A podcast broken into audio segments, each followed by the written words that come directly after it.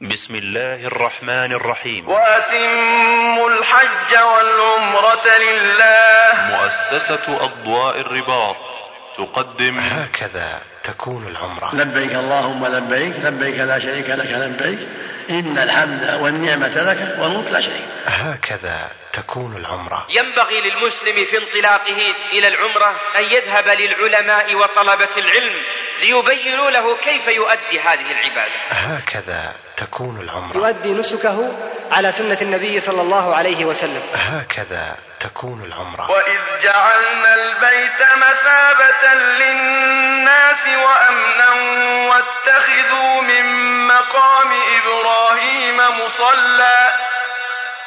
وعدنا إلى إبراهيم وإسماعيل أن طهرا بيتي للطائفين والعاكفين والركع السجود. الله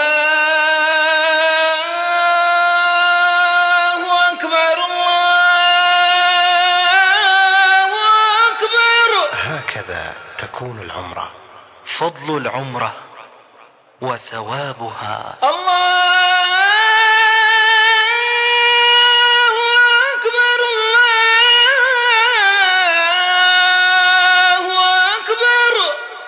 عن أبي هريرة رضي الله عنه أن رسول الله صلى الله عليه وسلم قال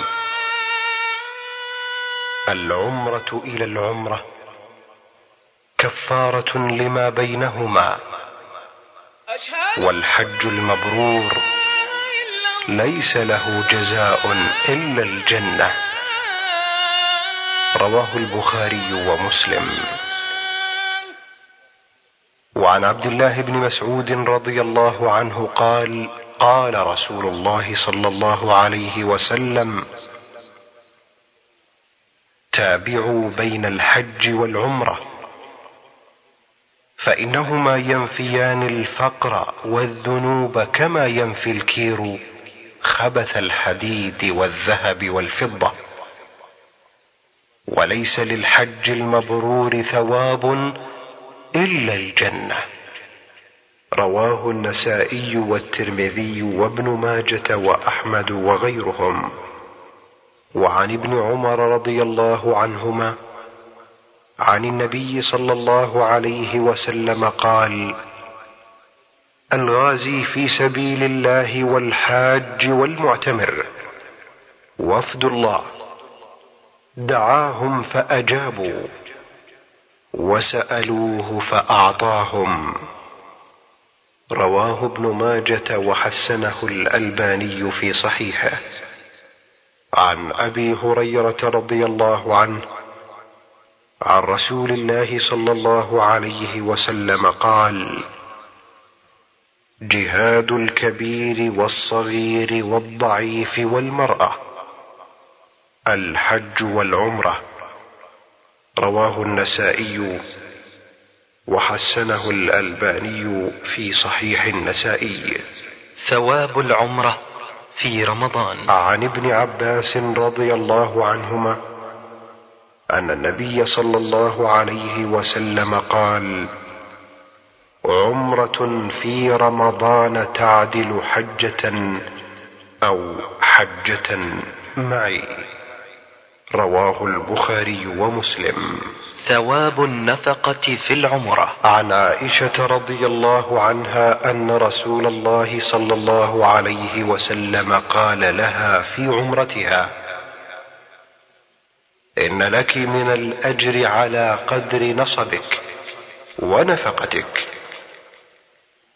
رواه الحاكم وقال صحيح على شرط البخاري ومسلم. أشهد أن لا إله إلا الله. إن المسلم في سفره وانطلاقه إلى مكة ليستشعر السفر إلى الله تعالى. فإنا والله في هذه الدنيا مسافر. ما منا أحد يقول إنه مقيم سيخلد في هذه الدنيا. تمر بنا الليالي والأيام وهي المراحل. ثم يقال للإنسان قف فإن السفر إلى الله قد وقف إلى هذا الحد. فمن الناس من أعد العدة لهذا السفر وأعد الخير والأجر والثواب وهنالك هنيئا لذلكم الرجل. ومن الناس من جمع إساءة وتقصيرا فمسكين هذا الرجل. فإن الإنسان يخلف أهله ويخلف بيته ومسكنه ويترك أولاده خلف ظهره ينطلق إلى مكة يرغب الأجر والثواب. فليستشعر أنه مسافر إلى الله تعالى.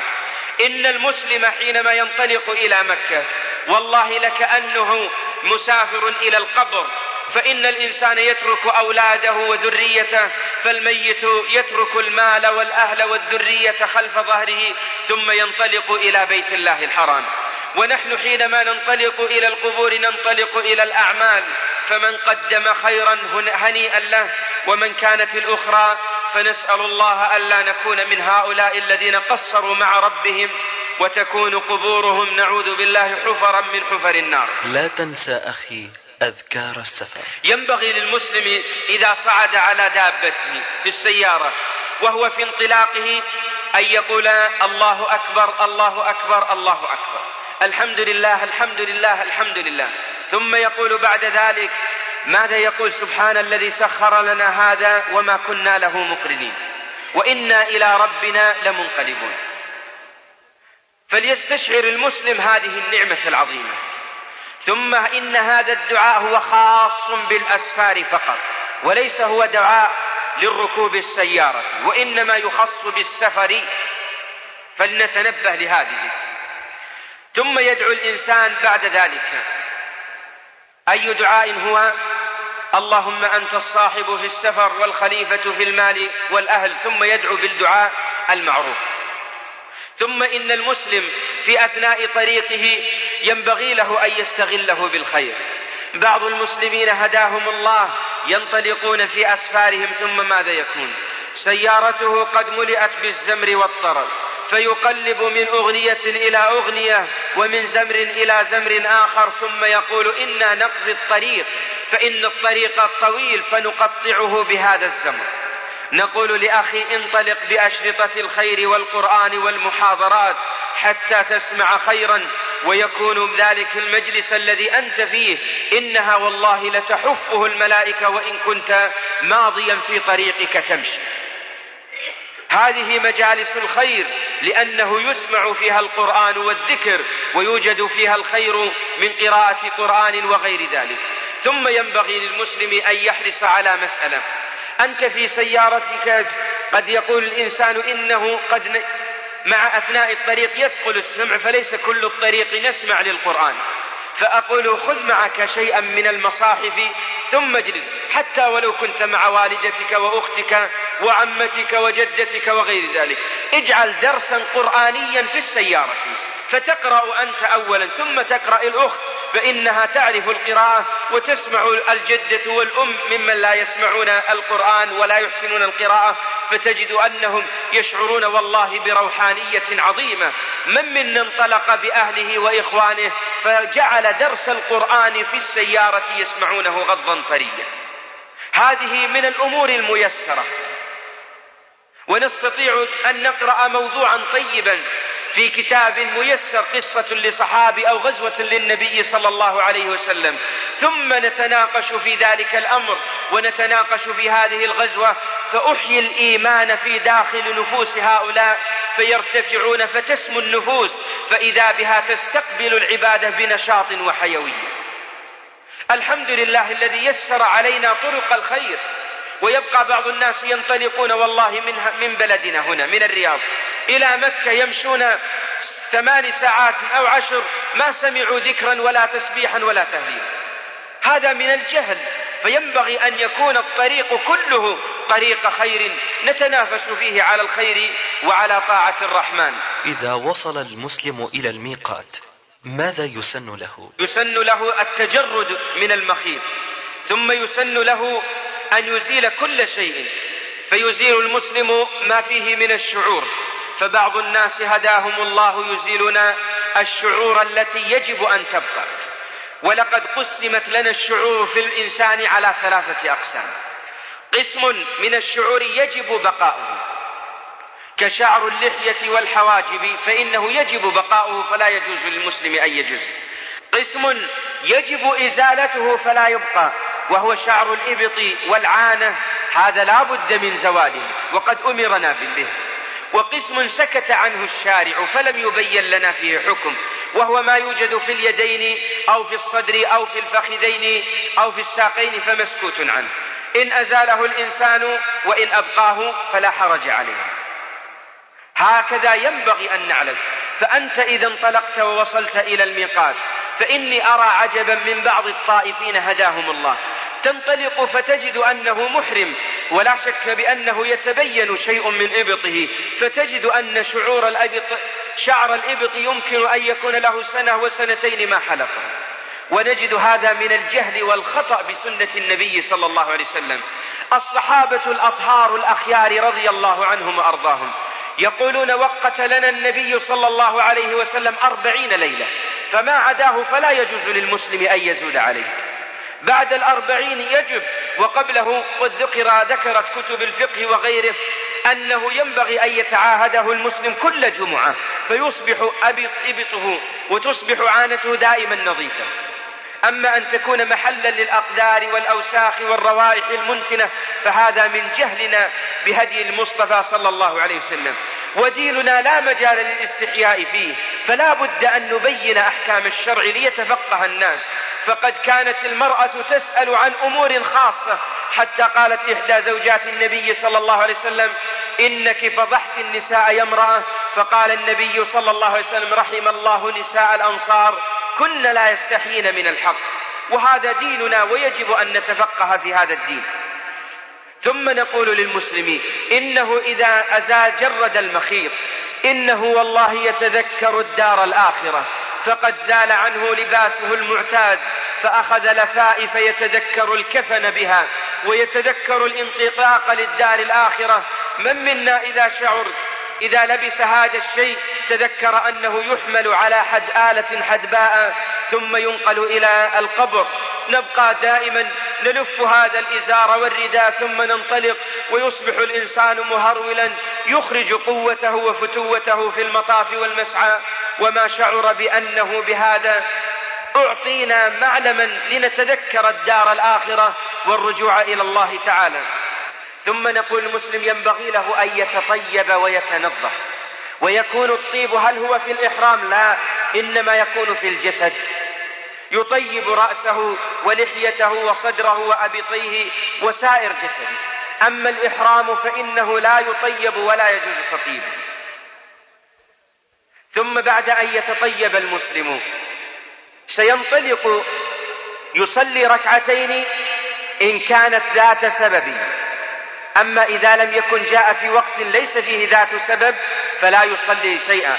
ولكني أقول ينبغي للمسلم أن يحرص على هدي المصطفى صلى الله عليه وسلم. هديه ماذا؟ كان صلى الله عليه وسلم إذا انطلق أراد أن يحرم في حج أو عمرة أحرم عقب فريضة.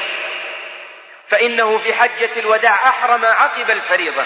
فإن كان هناك وقت الظهر أو وقت العصر أو وقت المغرب صليت صلاة المغرب ثم انطلقت.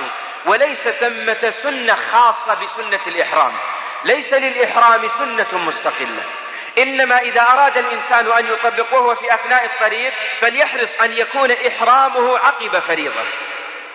فإن أخر الظهر نصف ساعة أو ساعة فلينطلق حتى يصل إلى الميقات ثم يغتسل ويستحم ويتطيب ويتجرد من المخيط ثم يصلي الظهر أو يصلي العصر أو وقت الصلاة التي حانت ثم ينطلق بعد ذلك إلى بيت إلى بيت الله الحرام ينطلق هنا بعد إحرام ويحرم أو ينوي الدخول في النسك بعد الفريضة إذا صلى المسلم الفريضة ماذا يكون؟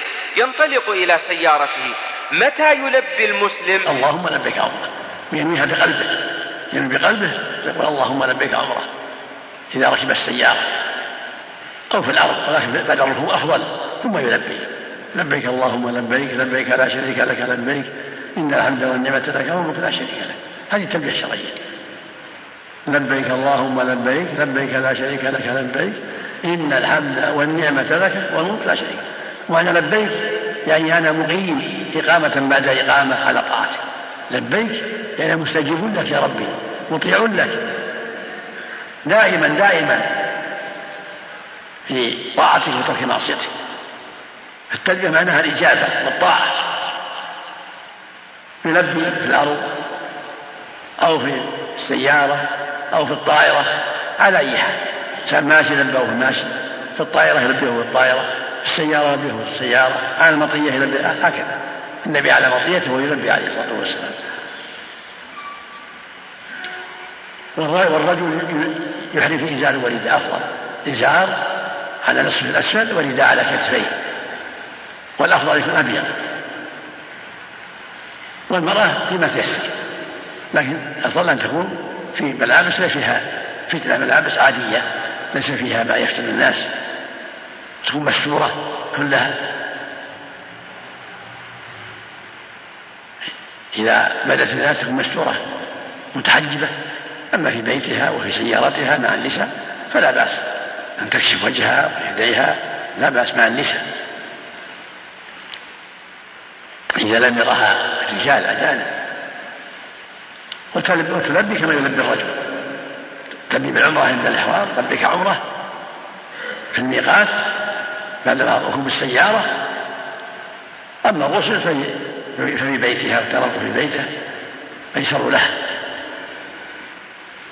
وكل منهما يلبي الرجل والمرأة يلبي في الطريق إلى يصل مكة فإذا وصل مكة وصل الكعبة قطع التلبية وشرع في الطواف طواف العمرة. يبدأ بالحجر الأسود ويقبله ويمس ويستلم بيده ويقول الله أكبر أو بسم الله والله أكبر. ثم يطوف إلى البيت عن يساره ويطوف. سبعة أشواط يذكر الله فيها. يسبح الله ويذكر الله أو يقرأ القرآن أو يدعو يسبح ويدعو. ما يسر الله له من دعاء وذكر في الطواف. سبعة أشواط. وإذا وصل الركن اليماني استلمه بيده. وقال بسم الله والله أكبر. رجل أو امرأة وبين الركنين يقول ربنا آتنا في الدنيا حسنة وفي الآخرة حسنة وقنا عند نهاية كل شيء عند نهاية كل شيء بعد الركن اليماني يقول ربنا آتنا في الدنيا حسنة وفي الآخرة حسنة وقنا هذا هو الأفضل. ولو لم يقلها ما أنسى هذا هو الأفضل. وكل ما حاج الحجر استلمه حجر أسود بيده وقبلها أو قبلها إذا استطاع قبل الحجر بيده واستلمه بيده وكبر. والمرأة كذلك لكن لا تزاحم. إذا كان مزاحمة لا تكون بعيدة. تكون بعيدة عن الحجر في أطراف الناس وتشير عند الحجر الأسود إذا حاجت الحجر الأسود تشير وتقول الله. من بعيد. ولا تزاحم الناس. وتقول مثل ما يقول الرجل تكثر من ذكر الله من التسبيح والتهليل والتحميد والدعاء أو قراءة القرآن كل شوط أفضل يختم ربنا آتنا في الدنيا حسنة وفي الآخرة حسنة وقنا عذاب النار. وكل ما حاجة الحجر يكبر الشوط الأول والثاني والثالث والرابع والخامس والسادس والسابع. عند نهاية السابع يكبر عند نهاية السابع يكبر وينصرف. وأنبه على قضية الإحرام بعض الناس يضطبعون منذ أن يلبس الإحرام وليس الإضطباع إلا لطواف القدوم. إذا وصل المسلم إلى البيت قطع التلبية ثم بعد ذلك يحاذي الحجر الأسود. يضطبع فيخرج كتفه الأيمن. وهذا الإضطباع سنة في طواف القدوم فقط وترون من المظاهر والملاحظات على الناس. سواء في الحج أو العمرة يبقى المسلم مضطبعا طيلة أيام الحج ويصبح كتفه هذا أسود من الشمس وهذا قد شق على نفسه. وإنما الاطباع في طواف القدوم فقط. إذا انتهيت من الطواف سبعة أشواط فضع الإزار الرداء على كتفيك وانتهت هذه السنة. ثم نقول للمسلمين إن المسلم إذا حاذ الحجر الأسود ماذا يعمل؟ هل يقول الله أكبر الله أكبر الله أكبر كما يعمله الإنسان الناس؟ أو بسم الله الله أكبر بسم الله الله أكبر؟ نقول الإنسان بيده يشير. المسلم السنة أن يضع كتفه الأيسر على جهة الكعبة وبناء عليه. لنضرب مثالا أن هذا هو الحجر الأسود. إذا أكون هكذا ثم أقول أشير الله أكبر. أما أن ينطلق الإنسان ينحرف بكل جزئية الله أكبر الله أكبر فإن الرسول صلى الله عليه وسلم جعل البيت عن يساره ثم كبر صلى الله عليه وسلم.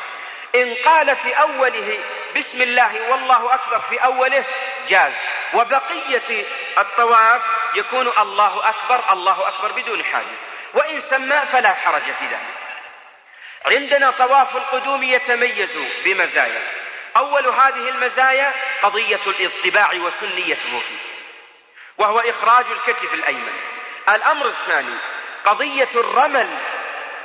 والرمل أن يسرع الإنسان مع مقاربة الخطى بعض الناس يركض حتى أنك ترى أن إزاره ورداءه كأنه علم خلفه. هذا من الخطأ. فيؤذي إخوانه ويشق على الطائفين. فنقول للمسلم يسن لك أن ترمل. فيبدأ الإنسان طوافه منذ أن يقول الله أكبر في بداية الطواف يرمل فيقارب بين الخطى كثير من الناس ينسون هذه السنة حتى إذا ما بقي إلا شوط أو شوطين يسأل أأرمل قضاء؟ قلنا سنة قد فات محلها فلا حاجة لأن تعيدها مرة أخرى.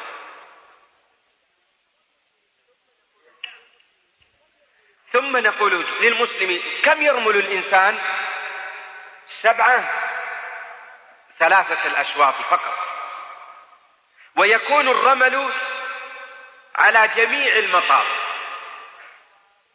الرمل في جميع الطواف فإن المصطفى صلى الله عليه وسلم في حجة الوداع كما ذكر جابر بن عبد الله كما ثبت في الصحيح أن النبي صلى الله عليه وسلم رمل الطواف كاملا.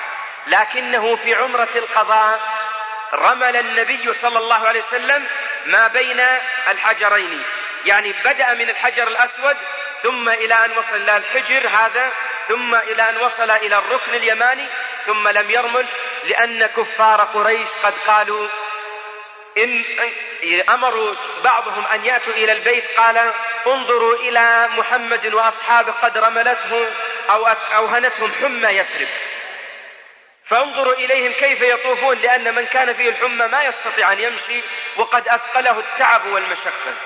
فأمر النبي صلى الله عليه وسلم إغاظة لهؤلاء الكفار.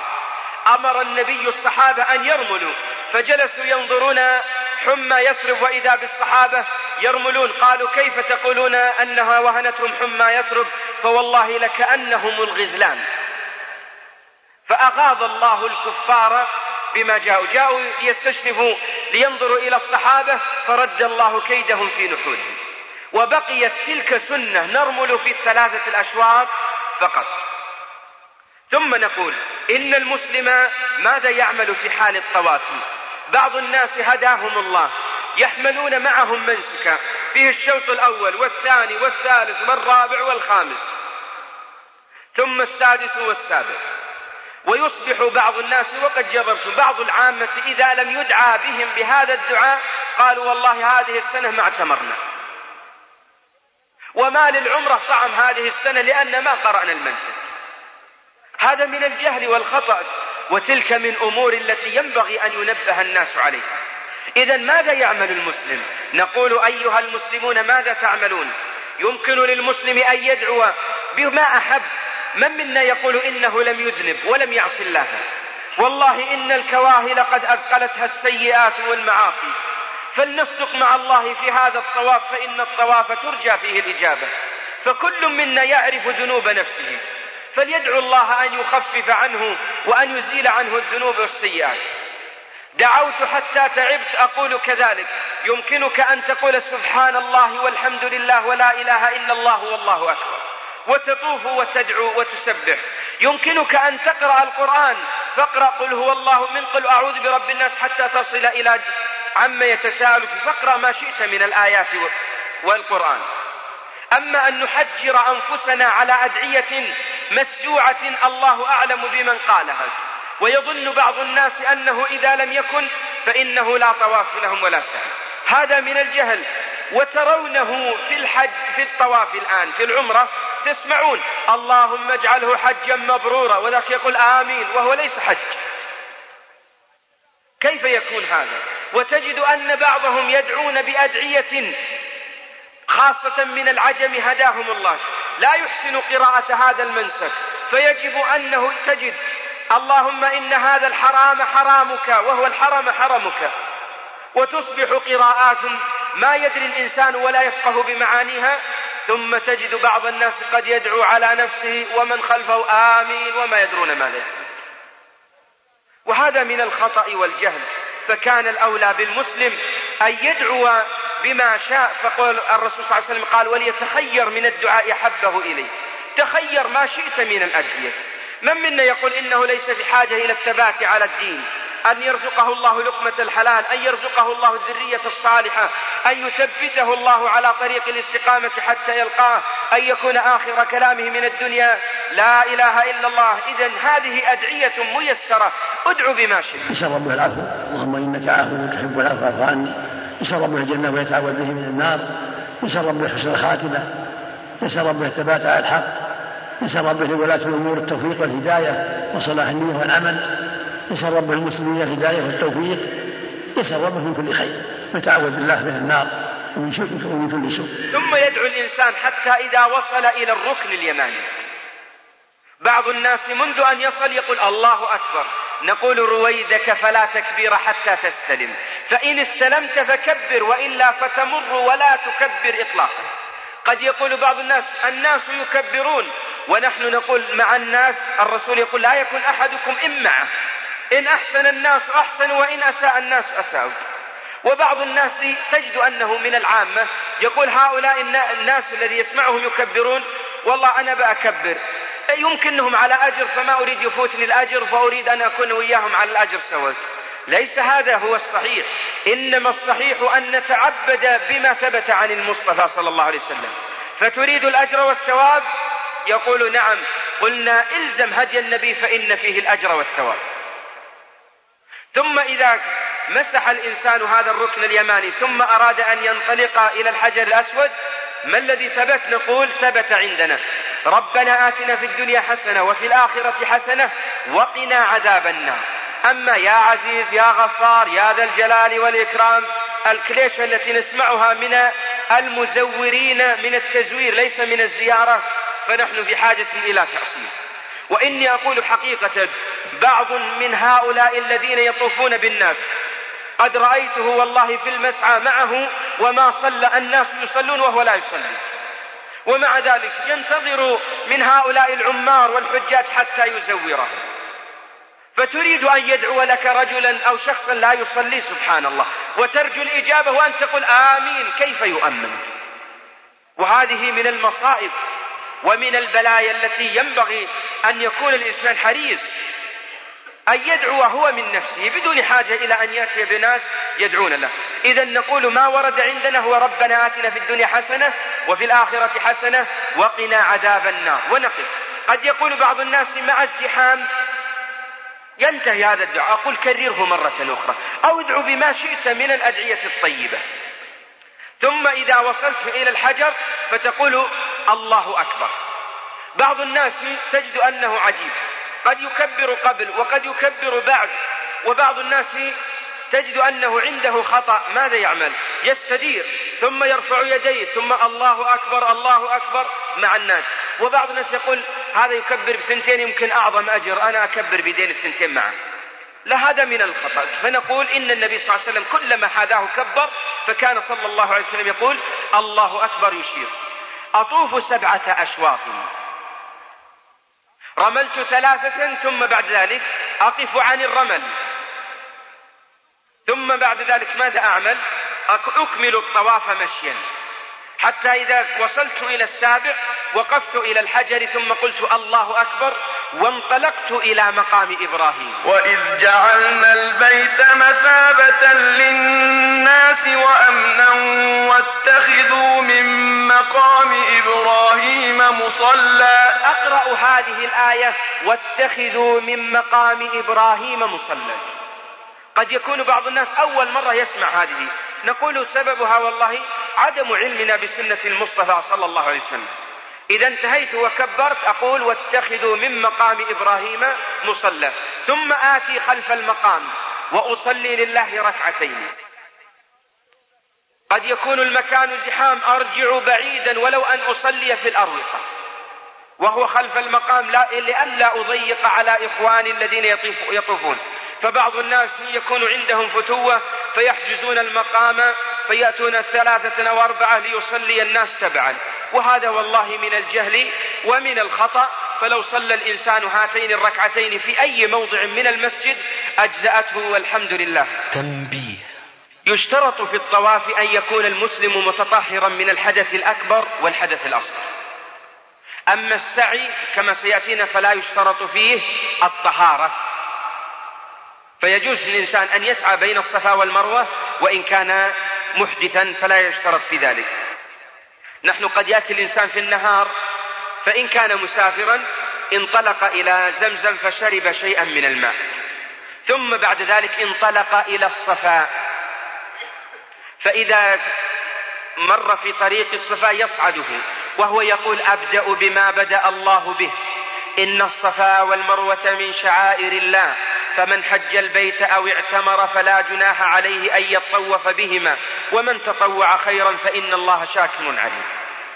صعدت الآن الصفا استقبلت البيت. إذا استقبلت البيت ماذا أعمل؟ إن المسلم إذا استقبل ينظر إلى الكعبة. بعض الناس لماذا يقول الله أكبر الله أكبر الله أكبر؟ ما هو هذا موجود؟ وكثير من يفعله. هذا ليس موضع إشارة حتى نشير. ماذا نعمل؟ يكون الإنسان يرفع يديه فهو موضع رفع لليدين. فأقف قائما. بعض الناس يصبح بصره في القبة. سبحان الله ما أمرنا بالنظر إلى القبة حتى يكون فيها الأجر والثواب. فأرفع يدي وأقول الله أكبر الحمد لله لا إله إلا الله وحده لا شريك له له الملك وله الحمد وهو على كل شيء قدير. لا إله إلا الله وحده أنجز وعده ونصر عبده وهزم الأحزاب وحده. ثم أدعو طويلا ثم أعيد مرة أخرى فأقول الله أكبر الحمد لله. لا إله إلا الله وحده لا شريك له له الملك وله الحمد وهو على كل شيء قدير. لا إله إلا الله وحده أنجز وعده ونصر عبده وهزم الأحزاب وحده. ثم أدعو طويلا ثم أعيدها مرة ثالثة. والله إن كثيرا من الذين يسعون سواء في حج أو عمرة همهم أن يصلوا إلى إلى الصفا حتى إذا وصلوه انطلقوا مسرعين. فتجد أن أثر العبادة ضعيف عندهم. ما يشعرون بلذة العبادة ولا مواقف الدعاء. فإن هذا الموضع من المواضع التي ترفع فيه الأيدي. فأرفع يدي ثم أدعو. أدعو طويلا بخير الدنيا والآخرة. ثم ليصدق الإنسان مع ربه فإن هذا موطن إجابة. ليصدق المسلم مع ربه في الدعاء. عله أن يجيب الله دعاءه في هذه المواضع. وكم هم الناس الذين لا يطبقون هذه السنة؟ وبعض الناس يقول لو طبقنا هذه السنة حصل زحام وغير ذلك. نقول الهدي هدي المصطفى صلى الله عليه وسلم. فإذا ذهب طالب العلم أو المتعلم أو العالم بهذه السنة فلينبه والدته وإخوانه وأحباءه أن يكون هذا الموضع يفعل كفعل المصطفى صلى الله عليه وسلم. إذا انتهى من هذا الدعاء ينزل بعد ذلك حتى إذا وصل إلى العلمين أو الميلين أسرع سرعة شديدة حتى كانوا يصفون النبي صلى الله عليه وسلم إن إزاره ليدور صلى الله عليه وسلم. لكن ينبغي أن ننبه على مسألة. بعض الناس معه أمه وأخته فيأمرهم قد تكون الأم تعض مشلحها من السرعة فتريد أن تنطلق كما ينطلق الإبل. هذا من الجهل والخطأ فإن المرأة ليس عليها رمل وليس عليها كذلك سعي بين العلمين هنا. ليس على المرأة رمل وليس عليها سعي هنا بين العلمين فتبقى الأم تمشي وأنا معي والدتي أسرع أنا حتى وأقف ثم أنتظرها حتى إذا جاءت مسكتها خوفا عليها أن تضيع فسرت أنا وإياها. وهذه سنة ينبغي أن نتنبه لها ونحرص. وبعض الناس من جهلهم يرملون أو يسرعون كل المسعى فيصبح يعني ما ندري مشغل السرعة السريعة فمنطلق همه أن ينتهي. ويتمنى من الاقتراحات بعض الناس يتمنون أن يكون المسعى يصبح على آلة فيقف الإنسان بسرعة فيتكون دقائق وينتهي بدلا من هذه المشقة. وهذا من الجهل ومن الخطأ. فكان الذي ينبغي المسلم أن يحرص على أن يسعى بين الصفا والمروة يطبق هدي النبي صلى الله عليه وسلم في كل موضع بما فعله صلوات الله وسلامه عليه. تنبيه.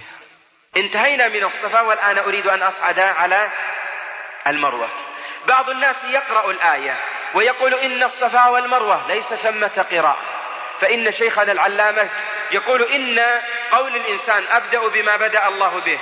وقراءة هذه الآية إنما هو في بداية السعي وهو عند الصفا. لأنه يقول إن الصفا والمروة من شعائر الله. فبدأ بها فأصبحت من الشعائر. ماذا يعمل؟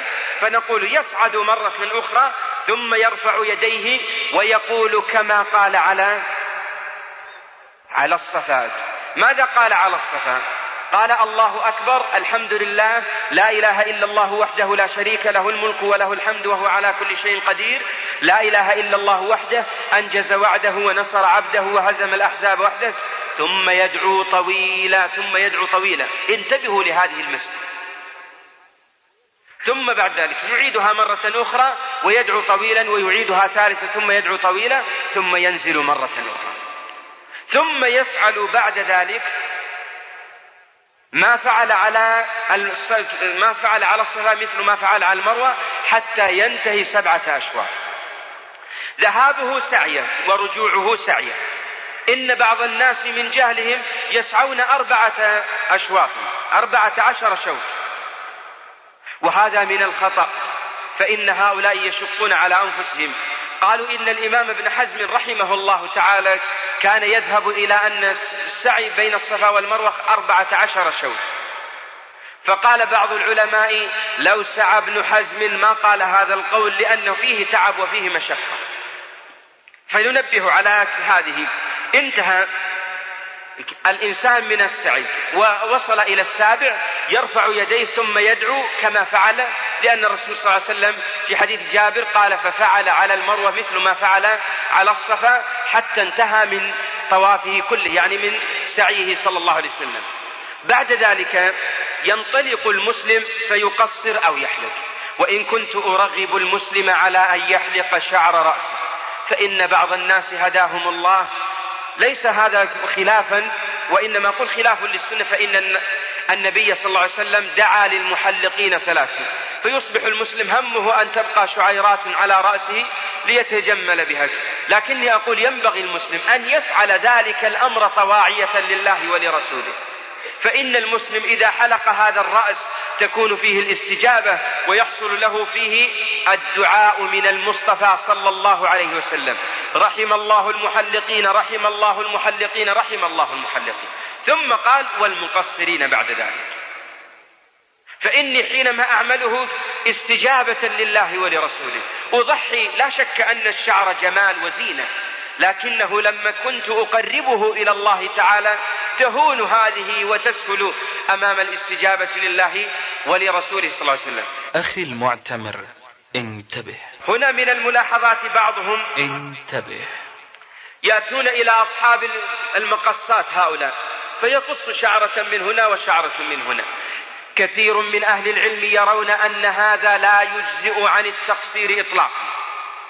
ولا تبرأ الذمة به. إذا ماذا يعمل؟ يجب عليه أن ينطلق إلى ماذا؟ إلى الحلاق. فيستعمل المكينة نمرة أربعة. هذا هو التقصير الآن. الحلق بالموس ونمرة أربعة تسمى تقصير. لأنك تجد أن بعض الناس يقصر شعرتين من هنا وشعرتين من هنا وشعرتين يقول قصرنا. الله لما قال لتدخلن المسجد الحرام إن شاء الله. ماذا؟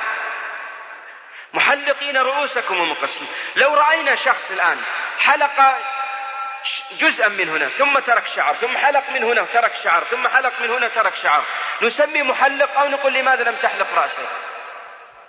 ما نسميه محلق نجد أن بقى في شعره.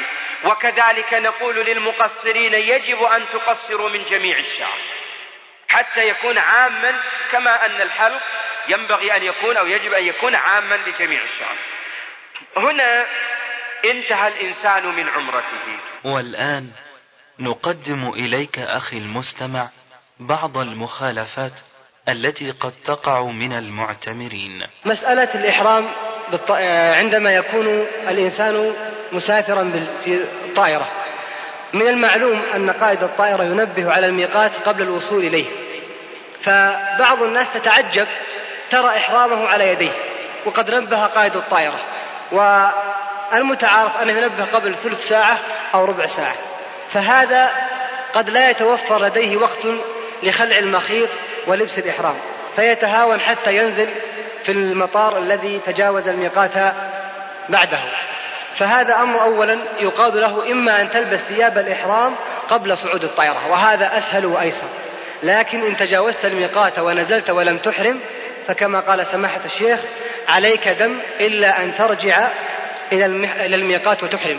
قال ابن عباس رضي الله تعالى عنهما فيما أخرجه البيهقي في السنن الكبرى بسند صحيح من ترك نسكا فعليه دم فلزاما على من تجاوز الميقات أن يعود إليه حتى يسلم من الدم. وإذا تعمد ترك الإحرام عنده فقد صاحب مع الفدية إثما لتعمده تجاوز الميقات دون أي عذر أو حرج. أختي المعتمرة انتبهي. بعض أو كثير من النساء تعتقد أنه لا يصح الإحرام إلا في الثوب الأخضر. ونرى جميعا النساء عندما يخرجن من الميقات إلى السيارات يرتدين الثياب الخضراء أو الثياب الغامقة. ويعتقدن أن الإحرام لا يصح إلا بهذا الثوب. هذا أمر يحتاج إلى دليل. لو أحرمت بأي ثوب واجتنبت من باب الظلية ثياب الزينة فإحرامها صحيح ولا حرج عليها. أما أن المرأة تلزم نفسها بهذا الثوب الأخضر أو اللون البني أو ما شاكله أو الكحلي وتعتقد أن هذا الإحرام فيه أفضل هذا يحتاج إلى دليل. لكن قد يقول يلتمس لهن عذرا أنه ثوب آه، سادة لا ألوان فيه لا تشغل ولا تلهي. نعم لكن نعتقد أن هذا أن من لبس غير هذا الثوب فإن في إحرامه خلل هذا لا يقوله أحد إن شاء الله تبارك وتعالى. تنبيه. أن بعض النساء إذا مرت بالميقات وكانت عليها العادة يعني كانت حائضا تتحرج من من الإحرام وتظن أنها لابد أن تكون طاهرة عندما تريد الإحرام.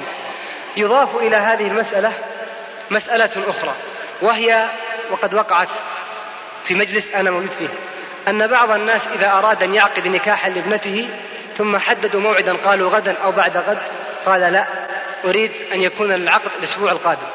فإذا قلت أنني مشغول أو كذا قال عليها عادتها حتى تطهر. هذا في غير محله من أو بعيدا عن الصواب. أما مسألة مرور الحائض بالميقات فقد وقعت مع أم المؤمنين عائشة رضي الله تعالى عنها. مرور الحائض بالميقات فقد وقعت مع أم المؤمنين عائشة رضي الله تعالى عنها. وقال لها النبي صلى الله عليه وسلم إن هذا أمر كتبه الله تعالى على بنات آدم افعلي ما يفعل الحاج غير ألا تطوفي بالبيت. وأما منع عقد النكاح من أجل الحيض فهذا أمر ليس بصحيح.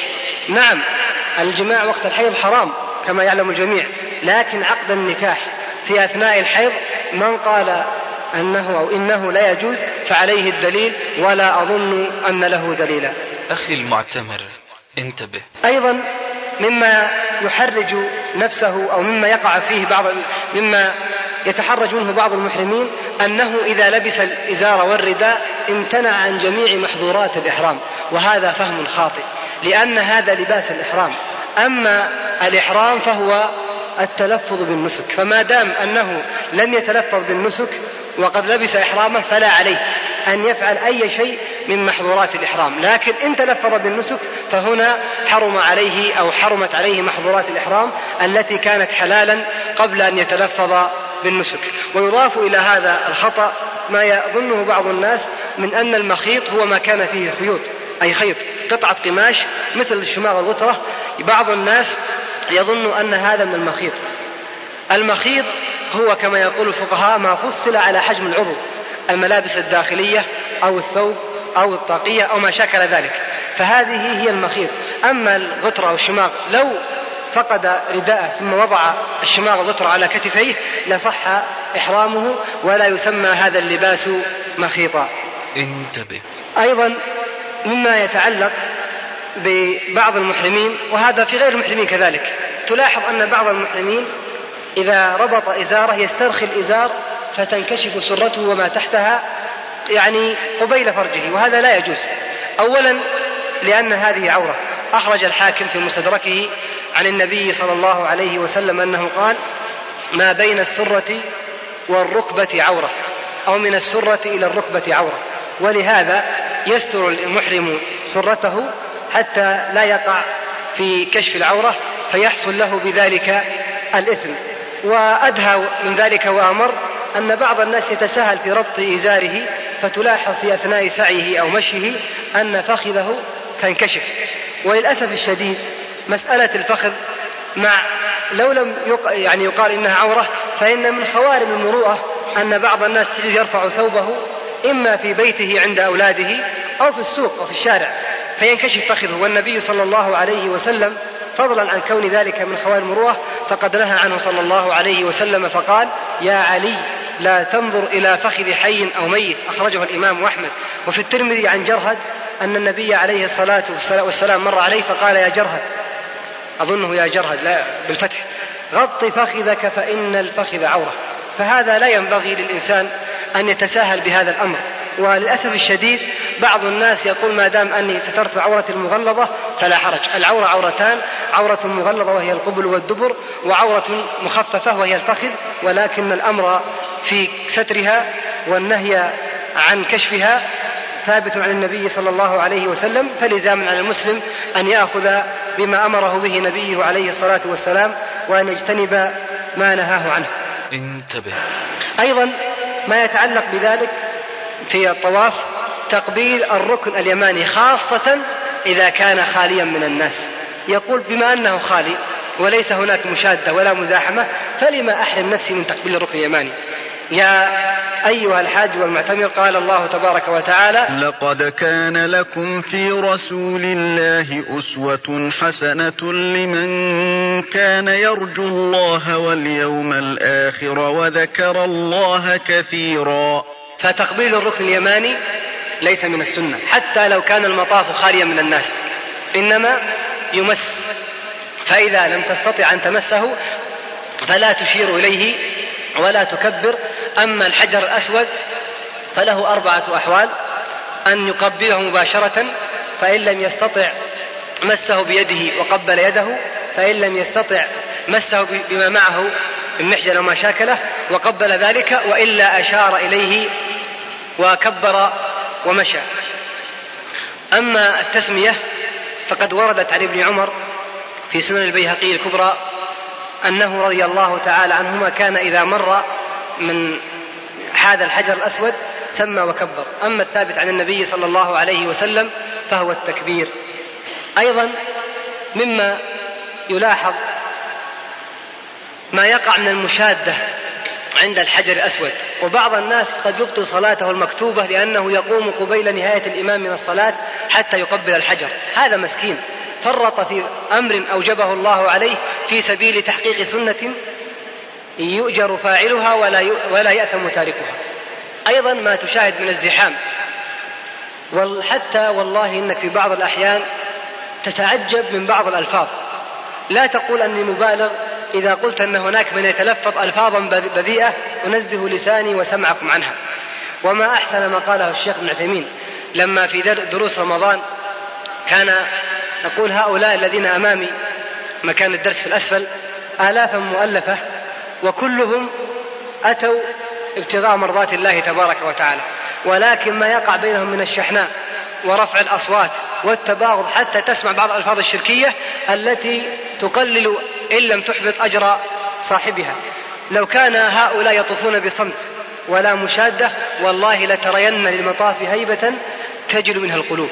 أما بهذه الطريقة كأنك في ملعب كرة أو في مسرح تسمع الصياح والشقاق والنزاع والجدال حتى وأنت في الدور العلوي. تسمع بعض الناس الذين يرفعون أصواتهم بالدعاء.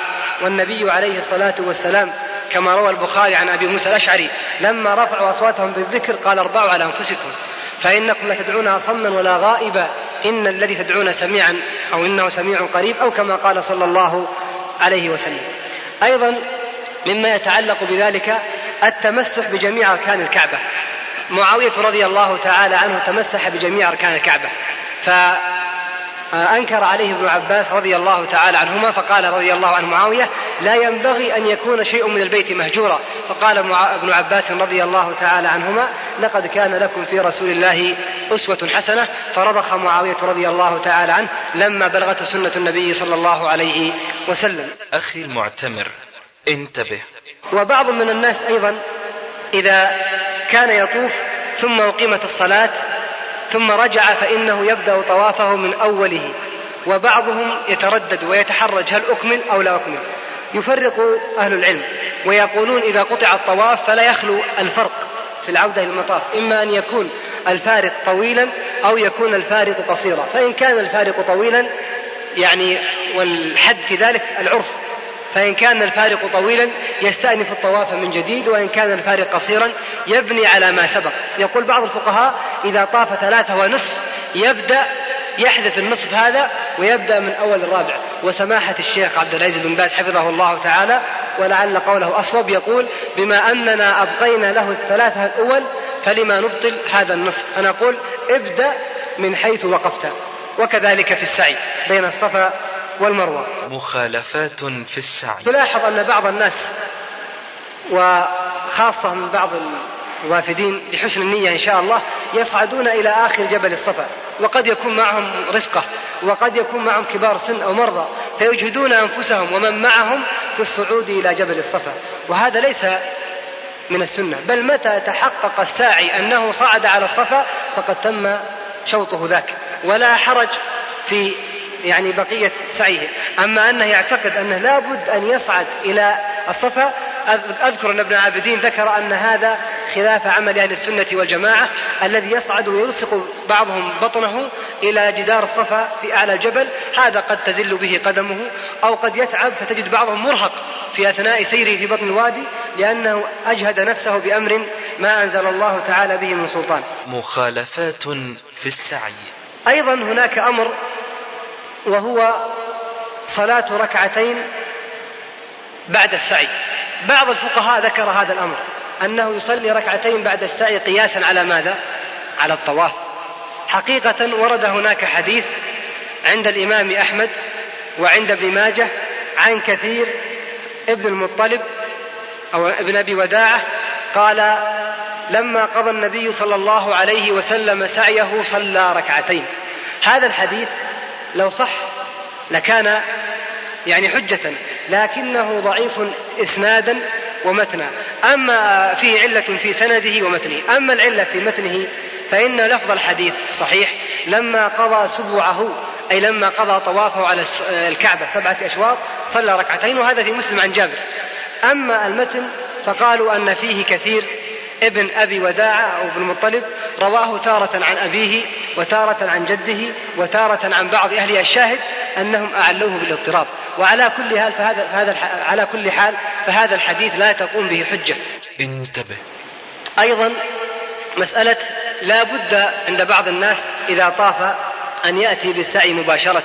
لماذا تجهد نفسك وتشق على نفسك؟ لو طفت صباحا وأجلت السعي إلى العصر أو إلى المساء لا حرج في ذلك. بل متى ما كان يعني بعض الناس يجهد نفسه يعني يسعى من باب أن يتخلص من السعي. إذا لم نسعى بخشوع كما قال ابن كثير رحمه الله تعالى في تفسيره عند قوله تعالى فلا جناح عليه أن يطوف بهما. قال ذكر قصة هاجر وإسماعيل. قال ينبغي للساعي بين الصفا والمروة أن يستحضر يعني معنى كلامه خبر هاجر واستكانتها وأن يستحضر خبر استكانتها وتضرعها إلى الله تبارك وتعالى لأن ذلك أدعى الخشوع. لكن ترى بعض الناس في أي شوط أنت؟ في الشوط السابع.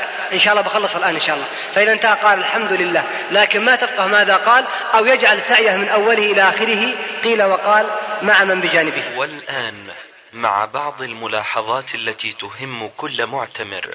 اولا ملاحظات في السفر إلى العمرة. بعض الناس ينطلقون إلى السفر في الطاعات وما يقلعون عن المعاصي. فتجد الزمر والدخان والمعصية كاملة ما يتغير من حاله شيء. فنقول أنت انطلقت لتجلب الحسنات ولتبعد عن نفسك آثار السيئات فاترك المعاصي حتى تقبل منك الدعوة. عدم كتابة الوصية. كذلك عدم ذكر الدعاء عند توديع المسافر أستودع الله دينك وأمانتك وخواتيم عملك. عدم الحرص على الرفقة الصالحة. كذلك عدم توصية المسافر بالدعاء للمقيمين كما فعل ابن عمر رضي الله عنه وأرضاه. كذلك من الملاحظات سفر المسافر وحده. من الملاحظات كذلك ترك دعاء السفر. تجد أن كثير من الناس وأنا قلت لكم ووعدت وأسأل الله الإعانة وعدت بمحاضرة أسميها الترقيع والتأصيل في الأمة المعاصرة. أسمي من الترقيع الذي نحن نعيشه وضع دعاء السفر في السيارة.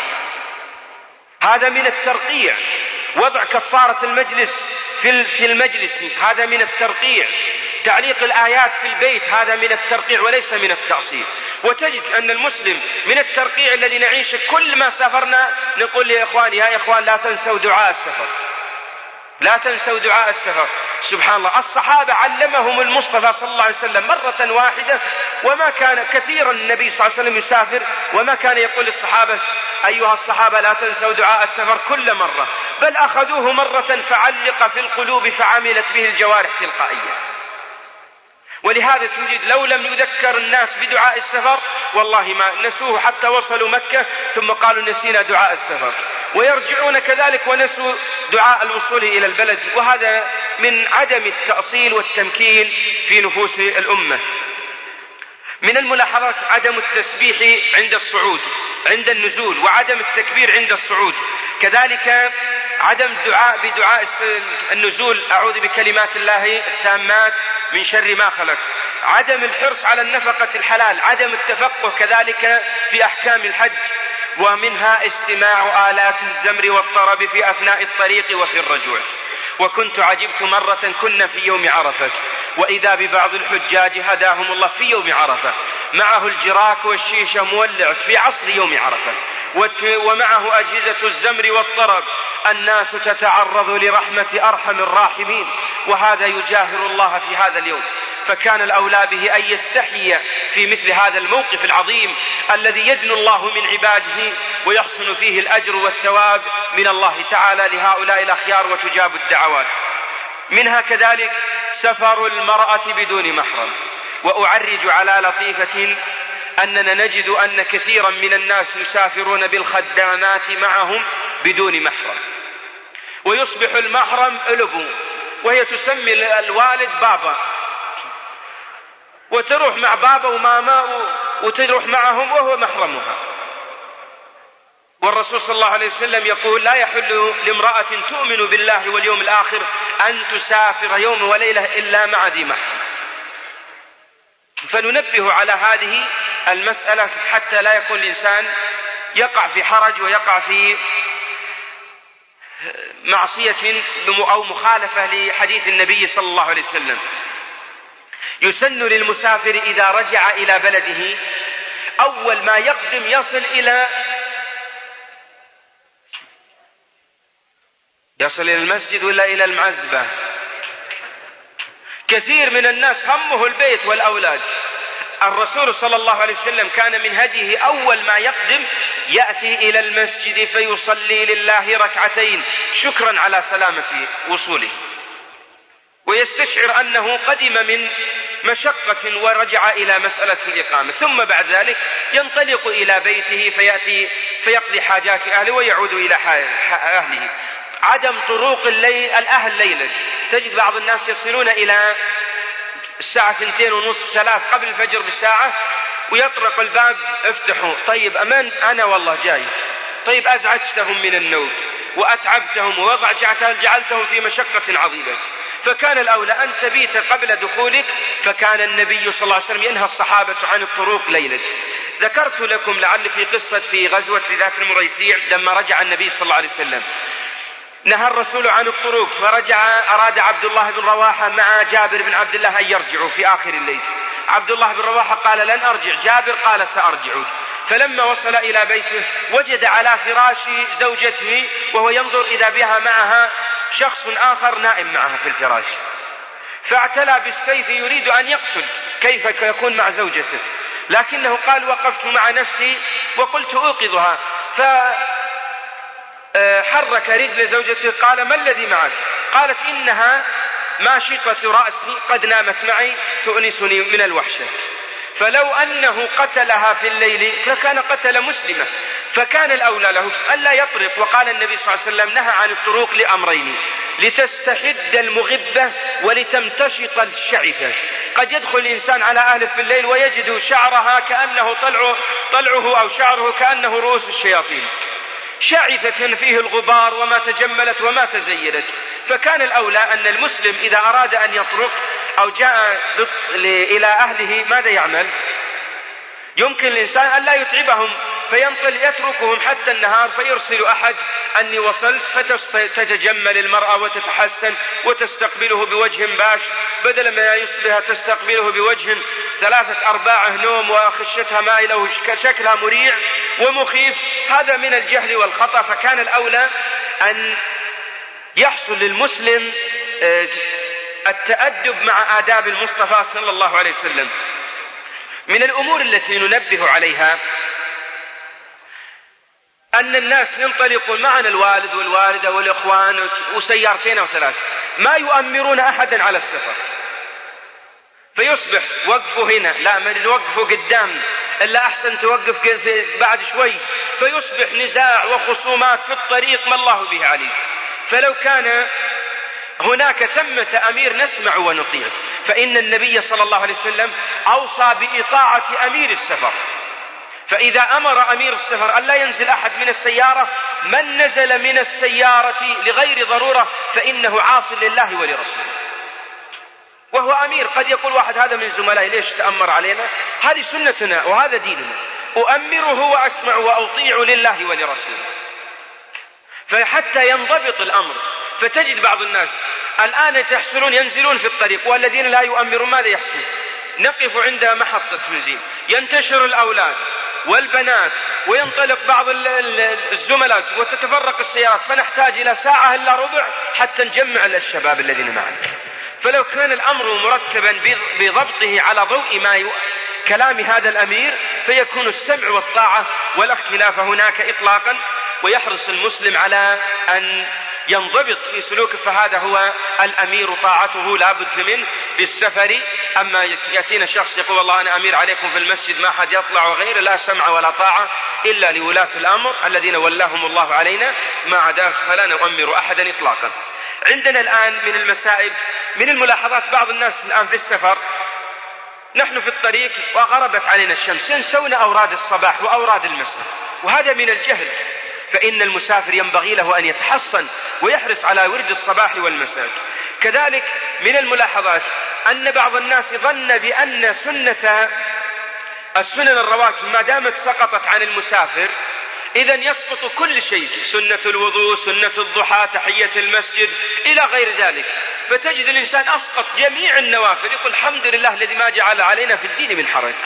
لو نظرنا إلى هدي النبي صلى الله عليه وسلم كان يصلي على راحلته أينما توجهت به. ما ترك التنفل صلى الله عليه وسلم. فكان يصلي ذوات الأسباب تعمل. ما عداها من السنن الرواتب فإنها تخفف ولا حاجة لصلاتها. فإن ابن عمر رضي الله عنه يقول لو كنت مسبحا لأتممت. يعني لو كنت مصليا السنن الرواتب لأتممت. فكان ما دام خفف علينا الصلوات الأربع ثنتين والثلاث تصير واحد ونصف. ما تصير تصير ثلاث. ما يمكن إطلاقا. وإن كان يوجد بعض الناس هداه الله من فقهه وهذا من الجهل سمعت بأن شخص أفتى لبعض زملائه أن يصلوا المغرب ثنتين قصرا. وهذا من الجهل وخلاف إجماع الأمة إلى قيام الساعة ولن يحدث أحد قال بهذا القول مثل قوله وهذا من جهله وعدم معرفته. كذلك من الملاحظات وأنبه إخواني عليها أنبه عليها وأشدد فيها. هي ليست يعني واجبة لكنها ملاحظة. الرسول كان يصلي على راحلته أينما توجهت به. من منا إذا ركب في السيارة في السفر قال الله أكبر فصلى لله ركعتين وهو في السيارة. بل تجد والله من أندر الناس من يفعل هذه السنة. فيمكن إذا ذهبت مع والدي أو والدتك أنتم على وضوء الحمد لله. طيب صلوا لله ركعتين. تجد العوام تصلي ركعتين. لا سجود ولا ركوع في السيارة الله لا يحدنا على القصة وهذا فيه مشقة ولا نزلنا يمدي الواحد يسنن. هذا من الجهل. كان الرسول يصلي وهو على بعيره صلى الله عليه وسلم. ويصلي به أينما توجه. يقول بعض الناس ما صرت لا نسجد ولا نركع ولا مستقبلين القبلة. وش هالصلاة اللي عندنا ذي نقول نحن جهلنا سنة المصطفى صلى الله عليه وسلم. فكان الأولى بنا أن نقتدي به. إذا ركبنا للسيارة أنبه إخواني. بالنسبة للسائق فلا يفعل. الله الله ألا يفعل. فتجد قدام السيارة وبيسقط يقول الله أكبر ساجد. ثم يسوي لنا حادث يقول أنا والله تنفل لا أبدا لا يمكن إطلاقا بل إنه يخشى عليه أياتا بهذا الفعل.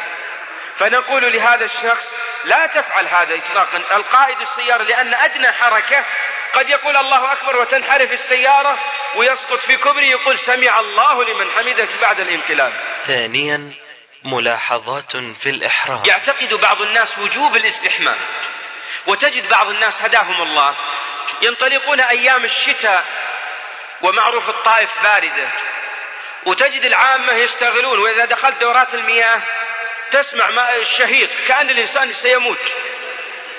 وتجد ماذا فيهم ما وش اللي حاصل؟ يستحمون. ليس وجوبا يكفي أن يتوضأ المسلم. فلا حاجة لقضية الشهيق والزفير. فإن المسلم ما جعل الله عليه في الدين من حرج. إن كان ثمة مشقة فإني أتوضأ والحمد لله فإنه ليس من الواجبات. كذلك أنه اعتقاد بعض الحجاج أو المعتمرين ينطلق في الطائرة وماذا تكون النتيجة؟ يحرم من جدة. ويستحي يفسخ إحرامه قدام الناس عيب شوي ما يمكن. نقول يمكن المسلم يلبس إحرامه في في الطائرة أو قبل في أهله يلبس الإزار ويترك الرداء ويلبس عليه ثوبه. إذا أخبر بأنه حصل الميقات ماذا يعمل؟ يخلع ثيابه وإزاره عليه وليس عليه السراويل ثم تجد أنه يلبس الرداء عليه ثم يكمل. كنت أرى من اللطائف وكنت وجدته رجل من البادية هداه الله. كان يسعى معنا في المسعى عليه إحرام خفيف فوجدت عليه السروال عليه خط أخضر. فعجبت يعني. فقلت له جزاك الله خير افسخ سروالك قال وخر بس وخر. كان يقول أنا أفسخ سروالي كيف هذا؟ وهذا من الجهل. فالإنسان ينبغي له أن يتأدب بآداب هذا الدين ويلتزم به. فنحن نتجرد من المخيط سمعا وطاعة لو قيل لواحد منا والله الآن تفسخ سروالك تقطع رقبة ما تفسخ. ما يمكن يقاتل أمامه. ولو أنه عليه ثوب وعليه إزار ما يستطيع. لكنه لما جاء الميقات سمعنا وأطعنا لله ولرسوله. وهذا يدل على الاستجابة لله وللرسول ونسأل الله أن نكون من الذين يستجيبون لله ولرسوله. كذلك بعض النساء وهن في البادية. تأتي المرأة محرمة وتلبس البرقع وتمشي به. فإن المرأة المحرمة لا يجوز لها أن تلبس البرقع. فماذا تعمل؟ تغطي وجهها إذا كان ثمة رجال. لا يوجد رجال تكشف وما دام الآن الناس كثير فيمكنها ماذا؟ أن تسدل على وجهها شيء ولا حاجة لأن تلبس البرقع. وأنبه على بعض الفتيات اللي نسميها إحنا نسمي بعض الشباب مطوعين ومطوعات بعضهم. تلبس في الإحرام قفازين. وهذا من الخطأ. فإن المرأة لا تلبس البرقع ولا القفازين فنقول للأخت المسلمة ما دمت ترين أن هذا دين؟ ماذا يعمل؟ ما تلبس ماذا تعمل؟ تغطيه بعباءتها فتستر يديها. أما أن تصبح ولهذا نقول بعض النساء هداهن الله. لبست القفازين فتمشي كأنها رجل. فاتحة لصدرها ورافعة لصدرها وتمشي ليس ثمة شيء. كان الأولى أن المرأة تمشي بسمت المرأة لا بسمت الرجال. ثالثا ملاحظات في الطواف. من الملاحظات أن الإنسان إذا دخل البيت ينسى دعاء, دعاء دخول المسجد. فهمه أن يدخل الكعبة. دعاء دخول المسجد ما هو يقدم رجله اليمنى؟ هذه ينساها. بعض الناس قبل يناظر رجله اليمنى دخلت ولا رجله اليسرى؟ لأنه ما تعود على هذه السنة. فكان الصحابة عندهم يعني أشياء أوتوماتيكية تعمل. طبقوا يطبقون تطبيق كامل رضي الله عنهم وأرضاهم ثم يدعو بدعاء الدخول. أعوذ بالله العظيم وبوجهه الكريم وسلطانه القديم من الشيطان الرجيم. ثم يقول دعاء الدخول المسجد.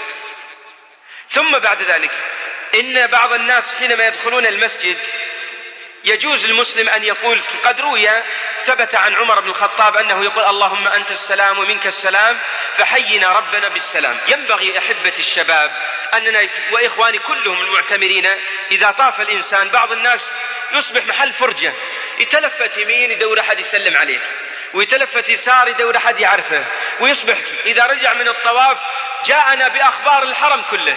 وجدت فلان وسلمت عليه واحد واصل من أمس وواحد يصيب بحادث وكذا. وين شفت هالعالم؟ والله مع الطواف ونطوف وأخذنا أخبار الناس. فالطواف ليس هو محل جني فيصبح بعض المحررين الأخباريين بالصحفيين يطوف ويجمع الأخبار. هذا الناس كثير منهم. فينبغي المسلم إذا طاف أن يطرب. فإن ابن عمر رضي الله عنه وأرضاه يقول فإن في هذا الموضع نتراءى الله تعالى. نتراءى لأنهم اعبد الله كأنك تراه فإن لم تكن تراه فإنه يراك. هنا طواف بعض النساء هداهن الله بالزينة. تمشي المرأة كأنها ذهبت إلى عرس وتمشي وهي تنسف يديها يمنة ويسرى ثم تقول هل من طائف ليتفرج؟ وهذا من الجهل فلتتق الله فإن هذا الموضع ليس هو موضع فتنة.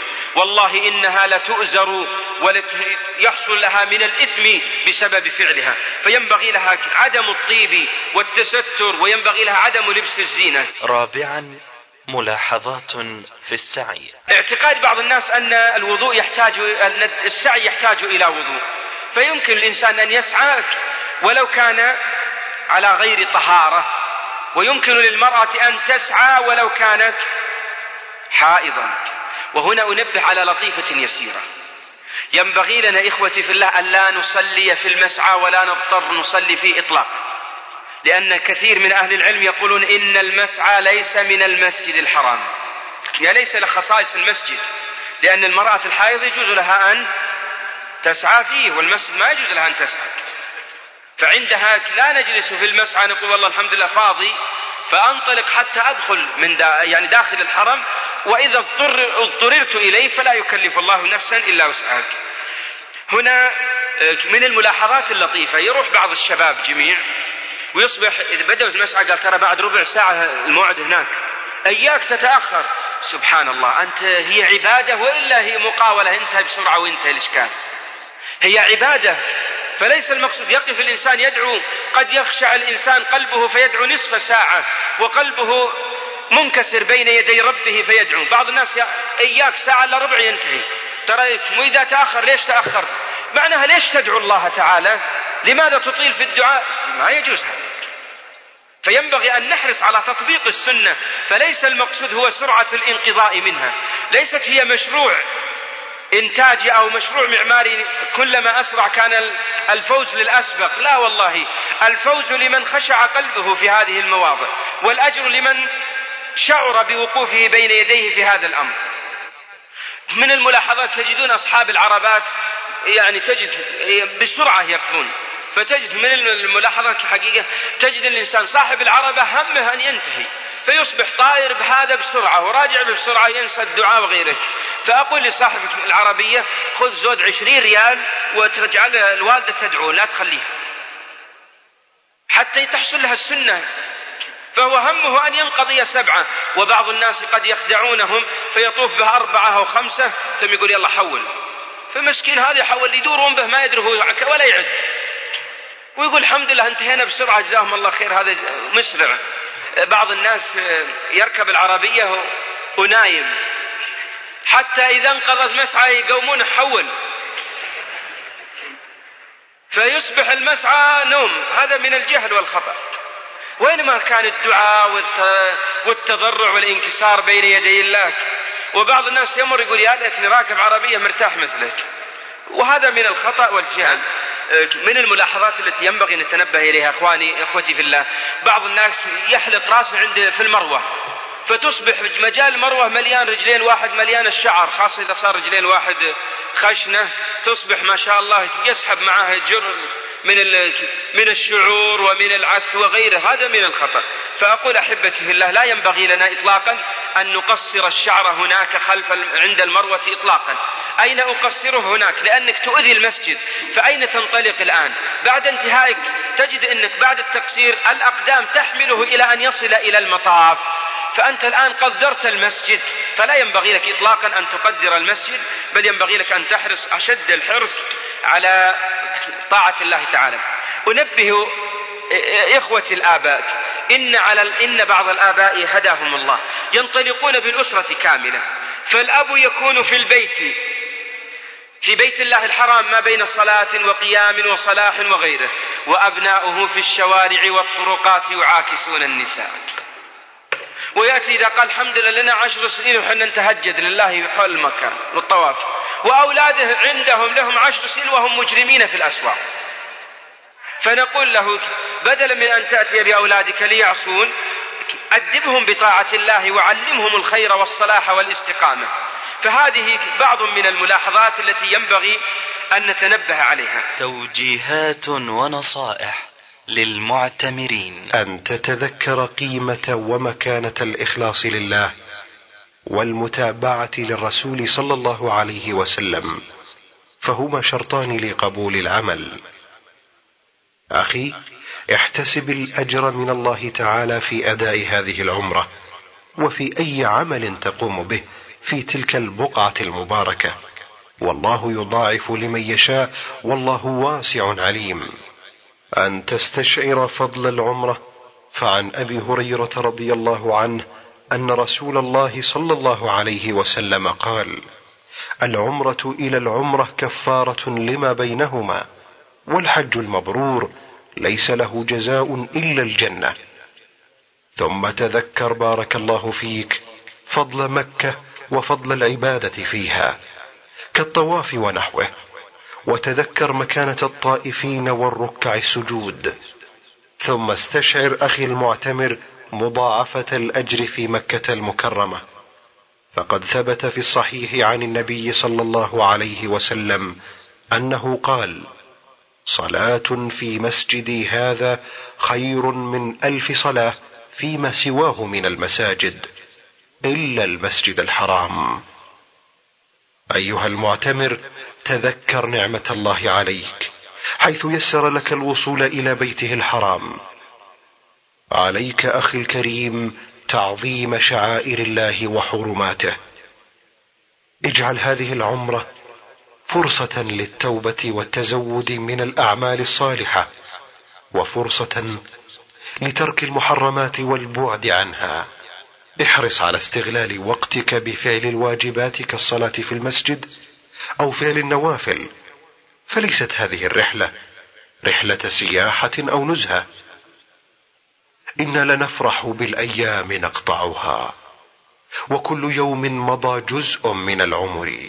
غض بصرك عن الحرام. نعم غض بصرك عن الحرام.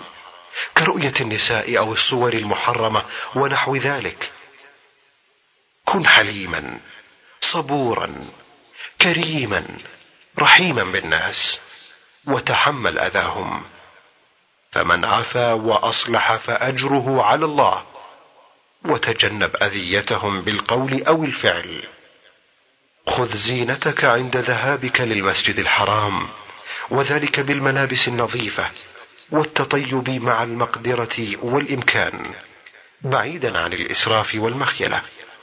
فتاوى سئل سماحة الوالد الشيخ عبد العزيز بن باز حفظه الله.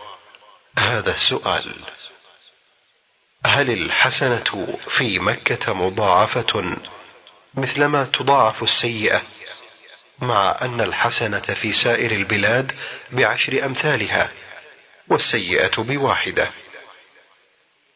فكان جوابه الظاهر أن مراد السائل هل السيئة تضاعف في مكة وهي لا تضاعف في غير مكة. السيئة في مكة كالسيئة في غيرها كمية ولكنها تختلف في الكيفية. والدليل على هذا قوله تعالى من جاء بالحسنة فله عشر أمثالها ومن جاء بالسيئة فلا يجزى إلا مثلها وهم لا يظلمون. وهذه الآية من سورة الأنعام وقد نزلت سورة الأنعام في مكة. وعلى هذا فتكون السيئة في مكة لا تضاعف كمية وإنما تضاعف عقوبتها كيفية. وما ذكر عن ابن عباس رضي الله عنهما أنه قال لا أبقى في بلد يتساوى فيه حسناته وسيئاته فإن هذا لا يصح عنه لأن ابن عباس أفقه من أن يرى أن السيئة في مكة تضاعف كمية كما تضاعف الحسنة. انتهى كلامه حفظه الله. فتاوى. هل الأفضل تكرار الطواف أم التطوع بصلاة؟ الجواب من فضيلة الشيخ محمد الصالح العثيمين. يقول الأفضل للإنسان ما هو أنفع لقلبه.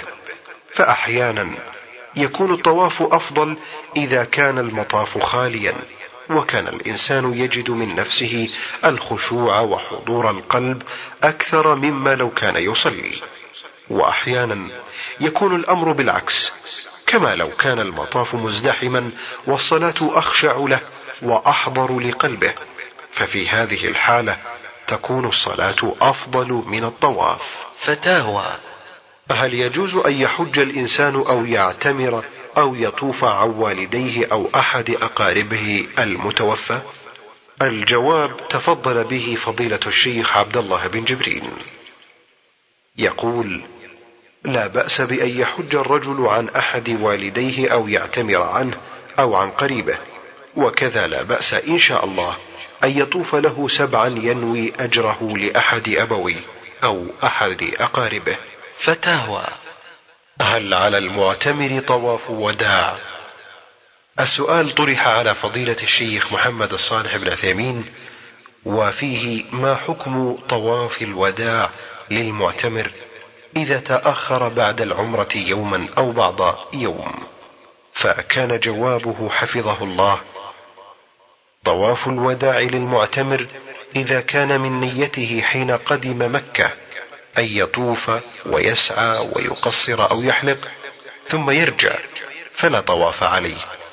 لأن طواف العمرة في حقه صار بمنزلة طواف الوداع. أما إذا بقي في مكة فالراجح أنه يجب عليه أن يطوف الوداع وذلك للأدلة التالية. أولا عموم قوله صلى الله عليه وسلم لا ينفر أحد حتى يكون آخر عهده بالبيت. وهذا شامل واحد نكرة في سياق النفي أو في سياق النهي فتعم كل من خرج. ثانيا إن العمرة كالحج سماها النبي صلى الله عليه وسلم حجا أصغر. كما في حديث عمرو بن حزم المشهور الذي تلقته الأمة بالقبول. قال النبي صلى الله عليه وسلم والعمرة هي الحج الأصغر. ثالثا أن النبي صلى الله عليه وسلم قال ليعلى بن أمية اصنع في عمرتك ما أنت صانع في حجك. فإذا كنت تصنع طواف الوداع في حجك فاصنعه في عمرتك. ولا يخرج من ذلك إلا ما أجمع العلماء على خروجه مثل الوقوف بعرفة والمبيت بمزدلفة والمبيت بمنى ورمي الجمار. فإن هذا بالإجماع ليس مشروعا في العمرة ولأن الإنسان إذا طاف صار أبرأ لذمته وأحوط لأنك إذا طفت لم يقل أحد من العلماء إنك أخطأت. لكن إذا خرجت بدون طواف قال بعض أهل العلم إنك أخطأت حيث خرجت بدون وداع.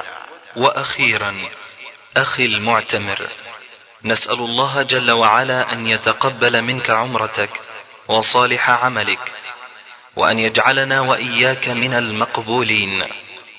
وهذا جهدنا المتواضع نضعه بين يديك فإن أصبنا فمن الله.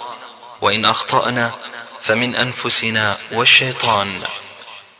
وهذه بعض الأشرطة التي يمكنك الاستفادة منها في أحكام العمرة وهي أحكام الحج لسماحة الشيخ عبد العزيز ابن باز. أحكام الحج والعمرة لفضيلة الشيخ عبد الله الجبرين. كيفية أداء العمرة وقضاء الوقت في مكة. لفضيلة الشيخ عمر بن سعود العيد. مخالفات الحج والعمرة والزيارة لفضيلة الشيخ عبد العزيز السدحان تم التسجيل والمكساج والإخراج باستوديو مؤسسة أضواء الرباط. مهندس الصوت طارق جابر. وتقبلوا تحيات إخوانكم في مؤسسة أضواء الرباط للإنتاج الإعلامي والتوزيع بالرياض. هاتف رقم أربعة اثنان خمسة تسعة خمسة صفر اثنان. صندوق بريد رقم خمسة اثنان ثمانية اثنان أربعة. الرياض إحدى عشر خمسة سبعة ثلاثة. والسلام عليكم ورحمة الله وبركاته.